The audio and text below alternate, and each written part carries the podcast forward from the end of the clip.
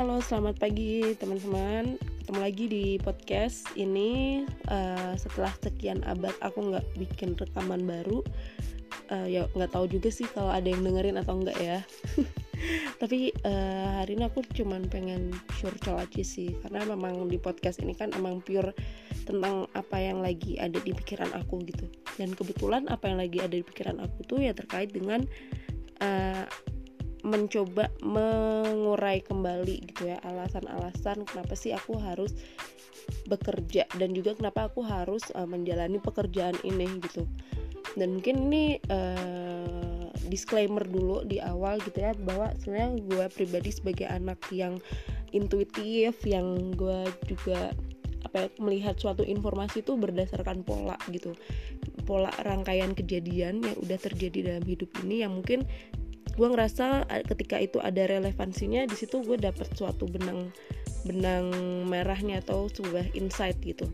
Dan kebetulan ada berbagai rangkaian kegiatan yang mendasari uh, bukan kegiatan juga sih rangkaian peristiwa ataupun sebuah mungkin obrolan atau kejadian-kejadian yang terjadi beberapa hari ke belakang yang bikin aku memikirkan ulang gitu terkait dengan apa yang jadi alasan kenapa aku harus bekerja kayak gitu.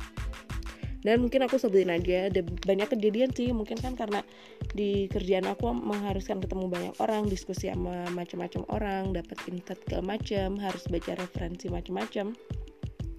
Gue melihat suatu pola gitu.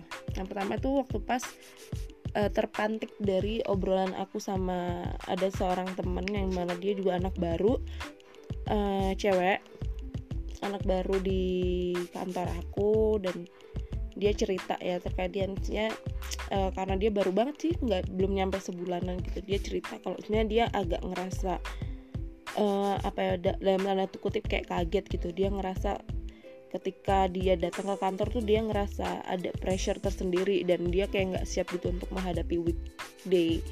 Kayak gitu. Waktu itu dia curhat dan dari diskusi tuh ya aku coba kuatin dia segala macam. Cuman cuman juga itu pertanyaan dia juga jadi sedikit jadi tamparan juga buat aku gitu. Apakah aku juga memang se-fulfilling itu yang jalan kerja atau memang ya aku membiarkan waktu weekday aku tuh untuk berjalan begitu aja gitu. Dan yang aku tunggu-tunggu tuh hanyalah waktu-waktu weekend gitu. Itu juga jadi pertanyaan tuh kejadian pertama. Tuh obrolan sama uh, teman aku gitu. Dan kebetulan dia juga anak fresh graduate kan. Jadi ya masih ya maklum sih gue juga dulu waktu pas pertama kali kerja pas jadi fresh graduate juga kayak ngerasa kaget gitu kan. Kayak ini nggak sesuai idealisme gue segala macam lah anak muda biasa.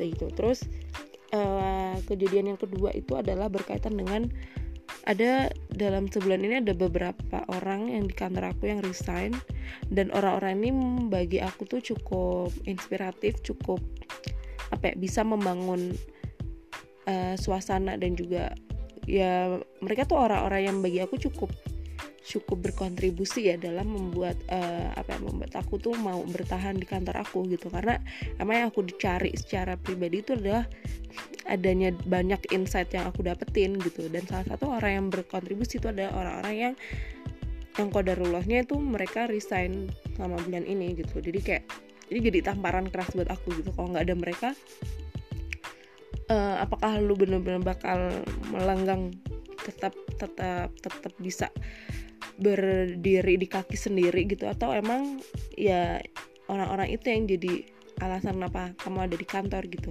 Dan ketika kamu nggak dapat itu apakah kamu juga akan pergi? Kayak gitu. Itu jadi pertanyaan yang yang cukup uh, apa ya menghantui aku pribadi gitu. Jadi dua kejadian itu sama kemarin juga dapat PPT dari uh, apa namanya ada satu in, anak intern juga PPT-nya terkait dengan self development gitu. Dia ngasih tahu uh, itu kejadian ketiga ya. Dia ngasih tahu terkait ada tabel gitu ya terkait dengan apa yang seseorang kerja gitu. Dia ngasih uh, ada ada tabel tuh orang tuh ngejar uang dia tuh ya dia menjadikan itu cuma sebagai alasan untuk bertahan hidup. Tapi ketika ditanya uh, apa yang dia cari? Dia nggak nyari apa-apa. Karena yang dia cari itu cuman ya udah as long as gue bisa bertahan hidup ya udah gitu. Terus juga di tabel itu tuh dia ngasih tahu tentang ada hmm, apa ya ada alasan tuh terkait dengan karir pencapaian pribadi kayak gitu itu juga. Terus aku jadi bertanya-tanya gue ada di fase mana ya? Apakah gue bener-bener ada di fase paling atas yang emang mengharap ridho Allah? Segala macam emang mencari tugas-tugas yang banyak gitu. Kayak gue anaknya nggak kayak gitu. Anaknya terlalu uh, playing safe gitu anaknya tuh. Saya nggak terlalu mau berkonflik segala macam. Ya udah gue jalanin apa yang emang apa yang jadi tanggung jawab gue doang gitu. Padahal gue rasa gue bisa lebih dari itu kayak gitu. Itu sih itu ada tiga kejadian yang bikin gue bertanya-tanya nya tuh lo tuh kerja tuh buat apa sih? Kayak gitu. Karena gue nggak bisa dong kalau misalnya gue kerja tuh cuman pertama gue nyari duit karena emang apalagi di kondisi pandemi kayak gini emang semua perusahaan lagi banyak terdampak. Kalau emang gue cari duit gue akan cenderung akan cabut dari kapan tahu kan? Karena emang serba nggak pasti kondisi kayak gini emang ada pengecualian kayak gitu. Terus gue juga nggak bisa dong kalau misalnya gue cuman ngandelin uh, pujian dari bos gue gitu. Karena uh, bos gue nggak nggak uh, apa ya bos gue nggak nggak bisa dong jadi standar standar apa ya fulfilling gue gitu. Karena ketika kita menggantungkan uh, apa ya menggantungkan sesuatu ke orang lain tuh kita jadi nggak bisa dapet nih. Karena kita dan mereka nggak nggak selamanya memuji kita tiap hari kan kayak gitu. Dan kalau kita nggak dapet pujian itu terus kita langsung down kayak gitu. Dan gue rasa ini kayaknya harus di benerin nih. Kayaknya gue nggak bisa nih jadiin apresiasi bos sebagai uh, patokan gue ada di kantor kayak gitu. Terus yang ketiga gue juga nggak bisa dong gue ngejadiin temen teman-teman yang ada di kantor tuh sebagai alasan kenapa gue stay. Karena di gue pernah bahas ya di podcast sebelumnya ya kalau people come and go gitu. Jadi kalau kita ngegantungin ke orang lain ke teman-teman kita kalau misalnya teman-teman kita berubah pikiran atau punya pilihan hidup yang lain yang berbeda sama apa yang kita jalani ntar kita jadinya malah mundur kita gitu. Kita malah malah jadi nggak nggak nggak bisa berpegang uh, bener-bener bisa apa ya bisa mengejar apa yang kita mau gitu loh. Kalau kita ngegantungin ke orang lain gitu ke teman-teman kita kayak gitu. Jadi ini jadi hmm, jadi sama seminggu dua minggu ke belakang tuh gue jadi sedikit banyak merenungkan pertanyaan ini sih kayak gitu. Dan hari ini uh, gue mau bahas terkaitnya apa sih yang bikin gue fulfilling gitu apalagi di kantor gue dan mungkin um, karena walaupun emang sih kantor gue nggak nggak nggak sesempurna itu karena gue yakin lah uh, setiap perusahaan sebagus apa pun pasti dia juga punya minusnya yang mungkin cuma diketahui oleh si karyawannya ke orang-orang yang emang in charge di situ kan. Jadi di kantor gue tuh gue mencoba untuk di sini gue mencoba untuk mungkin lebih ke belajar bersyukur aja sih karena apalagi di kondisi kayak gini punya kerjaan tuh adalah suatu hal yang luar biasa. Karena banyak orang yang nggak beruntung di luar sana yang dia ternyata udah dipecat terus juga mereka uh, apa namanya mungkin ada yang kondisinya lebih parah gitu. Mungkin di podcast ini gue pengen menumbuhkan rasa bersyukur gue sih. Walaupun balik lagi di kantor gue nggak sesempurna itu dan tetap ada hal-hal yang mungkin nggak ideal dan juga uh, banyak hal yang juga nggak sesuai dengan uh, apa yang gue pegang kayak gitu kan. Saya hal yang suka mendadak dan nggak prepare dan banyak lagi lah. Cuman gue coba petakan nah gue pengen share ke, kalian sebenarnya tuh hal apa sih yang bikin gue uh, jadi menemukan gitu dari pertanyaan-pertanyaan kemarin terus juga dari berbagai kejadian gue jadi menemukan suatu apa ya suatu clue tentang diri gue terkait dengan karakteristik ikigai gue gitu.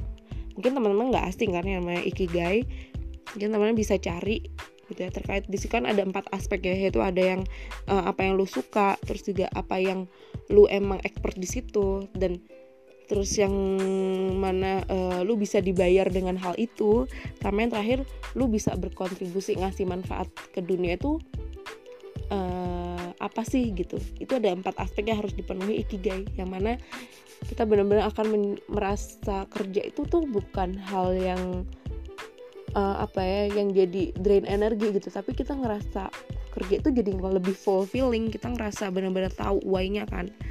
Kayak gitu. Dan dua kejadian kemarin-kemarin tuh jadi kayak alhamdulillah gue jadi nemuin gitu. Apalagi di poin terkait dengan lu bisa ngasih mau ngasih kontribusi apa sih ke dunia gitu.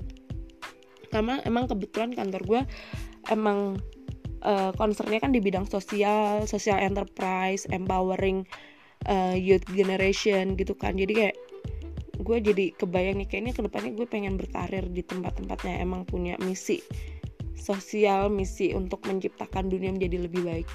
Kayak gitu. Ini ada gue udah bikin list sih apa aja yang bikin gue ngerasa fulfilling di kantor gue. Ya mungkin ini juga jadi landasan kenapa gue memilih suatu pekerjaan ya di masa yang akan datang gitu.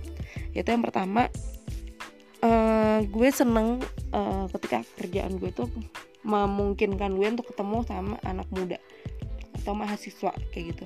Alasannya agak klise sih cuman uh, gue ngerasa kalau uh, anak muda itu jadi kayak leverage point yang bagus gitu loh untuk kalau kita pengen memperbaiki suatu uh, keadaan gitu karena yang gue lihat dari anak muda kalau gue ketemu sama mahasiswa gitu ya yang gue lihat tuh adalah mereka tuh orang yang semangat banget buat belajar atau explore hal baru kayak gitu. Mereka tuh kalau dikasih tahu tentang sesuatu gitu ya dan itu suatu hal yang baru buat mereka mereka tuh sangat antusias banget gitu dan mereka pengen diajarin tentang hal itu gitu. Dan gue seneng banget ketika ketemu sama orang-orang yang ya kayak gitu punya semangat bagus yang dia tuh tahu strong way-nya dia ngerasa dunia ini sedang tidak baik-baik aja dan mereka pengen sama-sama uh, menyingsingkan lengan baju untuk uh, take action ngambil bagian tuh gue seneng banget ketemu orang kayak gitu dan rata-rata yang punya punya uh, kesadaran kayak gitu adalah anak-anak muda, anak-anak mahasiswa ya mas. Secara pemikiran mereka tuh udah bagus gitu, secara intelektual udah bagus gitu. Yang kalau ngobrol tuh bisa nyambung dan dapet poinnya gitu, nggak terlalu bahasa nggak. Mereka lebih cepat ngejar dan mereka cepet belajar cepatnya tuh mantep sih. Itu sih gue seneng banget kalau gue masih dapat kesempatan untuk ketemu anak, anak muda.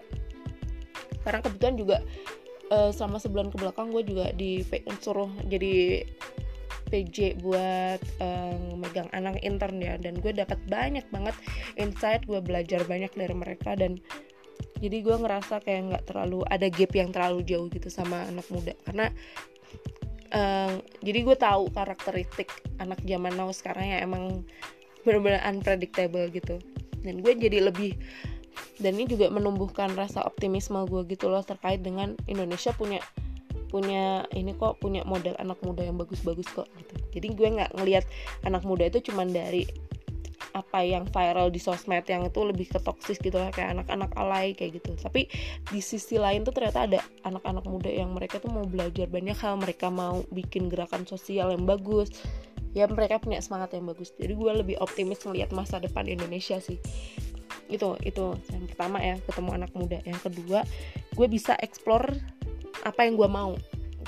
Nah mungkin uh, buat yang belum tahu kan tadi uh, kantor gue kan sebenarnya masih hitungannya masih startup ya. Ya secara legalitas juga kita baru tiga tahun sebenarnya idealnya. Walaupun kita sebelumnya juga udah bergerak sih. Walaupun uh, sektornya informal.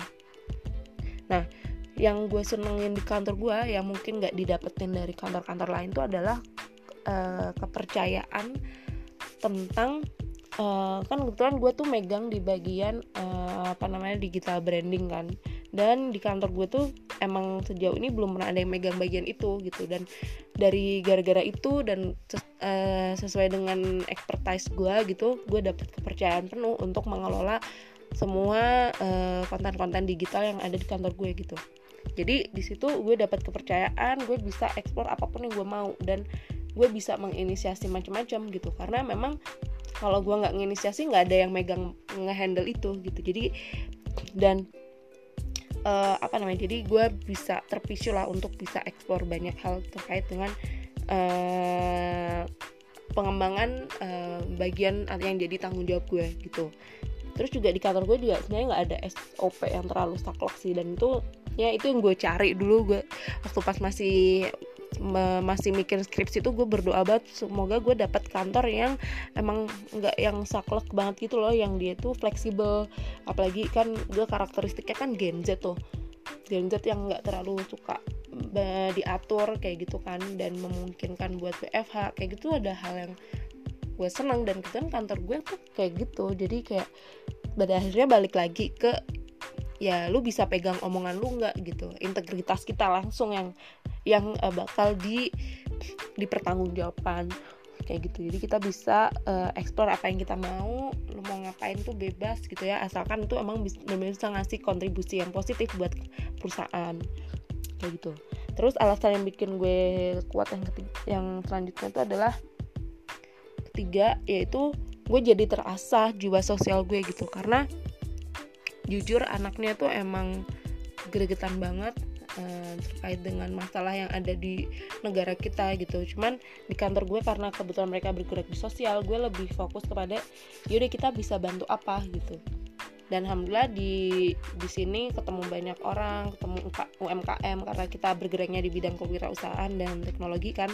Ketemu UMKM ngadain event buat UMKM tuh kayak jadi ngerasa kayak wah ternyata emang ya mungkin ini adalah bagian dari upaya gue buat bisa nyapin amal jariah buat ke depannya gitu kan. Ya gue senang aja gitu terasah jiwa empati gue. Gue nggak nggak cuman komplain-komplain ini nggak ada yang mau bantuin apa kayak gitu. Gue nggak nggak jadi nggak fokus kepada gue mem membebankan suatu hal yang sebenarnya gue bisa ambil bagian untuk menyelesaikannya kepada orang lain ke pemerintah atau ke orang lain yang mungkin lebih lebih punya power gitu. Padahal sebenarnya gue juga bisa ngasih andil gitu. Nah ini sih gue jadi sedikit terasah nih jiwa-jiwa sosial gue empati gue ke orang lain ke masyarakat. Yang gue sebenarnya juga masih belajar sih dalam hal itu. Terus yang ketiga eh yang keempat sorry itu gue jadi terasah terkait dengan integritas dan juga disiplin gue. Karena balik lagi ke yang yang kedua tadi karena semuanya pada akhirnya karena nggak terlalu banyak SOP segala macam pada akhirnya uh, ini sih tabiat dan juga karakteristik kita yang bakal diuji gitu. Apakah lu benar-benar bisa bertanggung jawab lu benar-benar bisa uh, jujur lu benar-benar bisa amanah lu bisa memegang komitmen kayak gitu sih. Jadi yang gue ngeliat walaupun nggak ada SOP tapi gue ngerasa apa yang gue lakukan di sini tuh ya nanti akan dipertanggungjawabkan gitu. Akan banyak orang yang menyaksikan bagaimana kontribusi kerja gue gitu. Makanya gue harus make sure kerjaan gue tuh benar-benar harus tuntas beres. Ya walaupun sebenarnya gue juga masih ada PR sih banyak hal gitu. Cuman gue belajar hal itu. Gue jadi terpicu gimana caranya untuk bisa terus memperbaiki hal-hal yang uh, masih minus gitu ya. Mungkin bikin kerjaan nggak kelar atau ya mungkin ada banyak koreksi kayak gitu. Jadi jadi di situ gue lebih lebih terlatih aja sih untuk menjaga integritas nama baik gue sendiri dan juga rasa disiplin gue sendiri tanpa harus nunggu harus ada SOP segala macam kayak gitu. Gitu sih. Terus yang kelima adalah gue jadi uh, lebih bersyukur aja sih sama apa yang ada di kantor gue dengan segala ketidaksempurnaannya gitu. Jadi gue lebih ingat terus uh, alasan kenapa gue start di uh, kantor gue sekarang. Karena memang ada story yang mungkin agak panjang sih kalau diceritain di sini gitu. Ada banyak dramanya sebelum gue diterima di sini gitu. Jadi kayak gue nggak mau me menyanyiakan kesempatan ini. Kalau kata Ustadz Salim Afilah itu adalah uh, sesuatu yang didapat dengan perjuangan itu pasti kita akan benar-benar pegang pegang itu ketika kita udah mendapatkannya kita tuh benar-benar akan jaga hal itu gitu. Jadi kayak gue nggak mau nyanyikan kesempatan ini gitu. Walaupun makanya makanya uh, gue harus emang jadi PR buat gue sih untuk terlalu mengalignment alasan kenapa gue harus kerja. Kenapa gue harus ada di kantor. Karena gue kepikiran kalau ya waktu kita tuh akan banyak kan tuh bayangin aja seminggu yang kita punya lima harinya tuh kita itu adalah untuk kantor gitu. Makanya sayang banget kok kita orientasinya itu cuma sekedar buat kantor. Tapi gimana caranya biar apa yang kita lakukan di kantor itu itu juga menunjang uh, eh, self development kita. Kayak gitu. Itu sih yang jadi not buat aku pribadi sih buat jadi kayak ditanya lu ngejar apanya? Gue ngejar ngejar banyak hal sebenarnya ya gitu. Cuman gue juga masih belajar ini juga pengalaman kerja perdana gue pas abis lulus. Walaupun dulu pas kuliah juga udah sempat kerja tapi kan cuman itu cuman sekedar tiga bulanan kan dan di sini alhamdulillah udah hampir 11 bulan. Dan gue coba merenungkan ulang sih alasan kenapa sih gue ada di sini gitu. Dan ntar gue juga punya tah uh, fase di mana gue akan merasa cukup merasa gue butuh tempat yang berkembang yang mungkin lebih lebih challenging lagi gitu. Ketika tempat gue sekarang tuh udah mulai memberikan zona nyaman dan udah menjawab apa yang gue cari tadi tuh udah terpenuhi kayak gitu. Mungkin gue butuh tempat tempat uh, keluar dari zona nyaman lain yang mungkin ya itu nggak tahu kapan. Karena jujur setelah gue merenungkan ini ternyata masih ada banyak PR yang gue tuh masih belum bisa bisa untuk uh, ngerasa belum belum cukup gitu. Ketika gue uh, cabut duluan kayak gitu. Jadi gue ngerasa gue ada hal-hal yang mungkin belum gue penuhi yang mungkin harus butuh dieksplor lagi dan kebetulan kantor ngefasilitasin hal itu. Kayak gitu. Jadi gue belajar untuk lebih bersyukur lebih uh, apa ya lebih positive thinking. Gue ngelihat ke kantor tuh ada upaya buat gue mengembangkan uh, apa yang gue suka apa yang gue pengen explore gue dalemin kayak gitu. Ya gitu aja guys. Terima kasih banyak buat yang udah ngedengerin. Paling not buat kalian buat kalian yang udah kerja gue pengen kalian temuin strong way kalian karena waktu kalian tuh bakal banyak abis di kantor sayang banget kalau kalian lihat kantor kalian tuh sebagai hal yang membuang-buang waktu atau lu nggak suka sama bosnya kayak gitu. Lu nggak punya alasan kenapa untuk stay tapi lu terpaksa stay hanya karena lu cuman butuh cuannya. Saran gue lu harus cari nih strong way lain gitu karena sayang banget waktu lu bakal terbuang gitu aja karena persepsi lu sendiri terkait dengan kantor lu gitu. Makanya lu harus coba gali lagi nih hal-hal apa yang sebenarnya lu bisa dapetin gitu. Lu harus memperdalam dan memperluas perspektif sih. Biar lu lebih bersyukur lebih fulfilling ngerjain kerjaan tuh ada motivasinya. Nggak cuma sekedar ngerjain to do list kelar gitu. Ntar capek sendiri kasian. Kayak gitu terus buat kamu yang belum kerja mungkin ya aku harap uh, kamu segera ketemu tempat kerja yang emang sesuai dengan apa yang lu cari. Dan lu harus tahu sebenarnya tuh karakteristik kerjaan yang lu pengen tuh kayak gimana dan lu jangan lupa untuk banyakin berdoa. Karena gue memegang prinsip ini sih lu akan didapetin pada apa yang lu cari gitu. Jadi make sure lu sebenarnya mencari hal-hal yang baik. Makanya lu bakal didapetin sama hal-hal yang baik juga.